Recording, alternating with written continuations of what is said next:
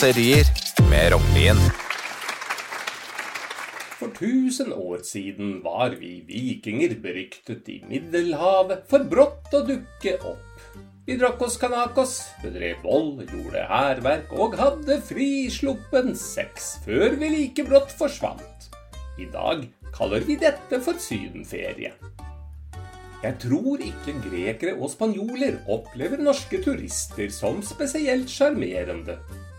Vi oppfører oss ikke bare dårlig, vi har også en tendens til å syte. Vi klager som regel over at flysetene var trange, eller at maten ikke smaker like godt som hjemme. Ola Nordmann jamrer også ustanselig om varmen. Og aller verst, det viser seg at det befinner seg andre turister der, vi som trodde vi skulle ha stranda alene. Syting er en del av den norske folkesjela. Slik var det også i vikingtida. Det var derfor vi var så fryktet, og når britene så sutrekoppene komme, flyktet de hals over hode. De orket ikke mer samtaleterapi.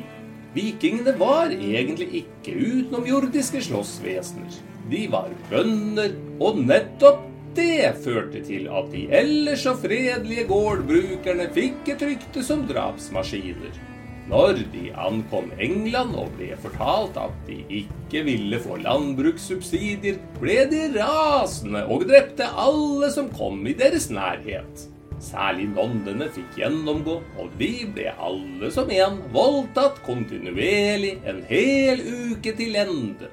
Dette er en viktig del av norsk historie, og mange hundre år senere ble denne stolte begivenheten æret med sitt eget godteri. Nonstop.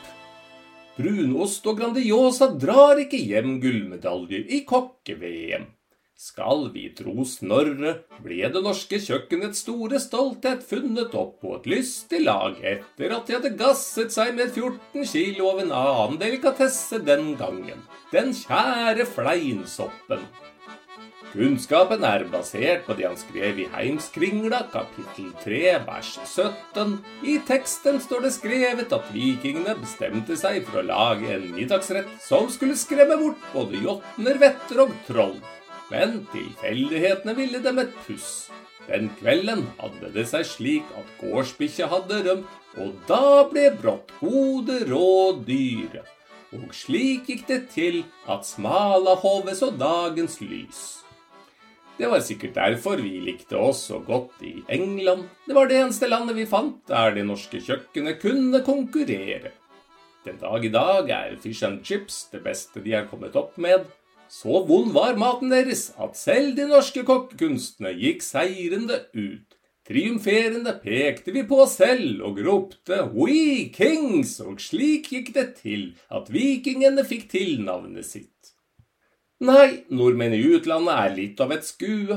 Nå er det sveitserne som må ruste seg, for i uoverskuelig framtid skal de bli bombardert med propaganda som informerer dem om norske milliardærers fortreffelighet, og i klar tale blir fortalt hvordan alpelandet best kan styres.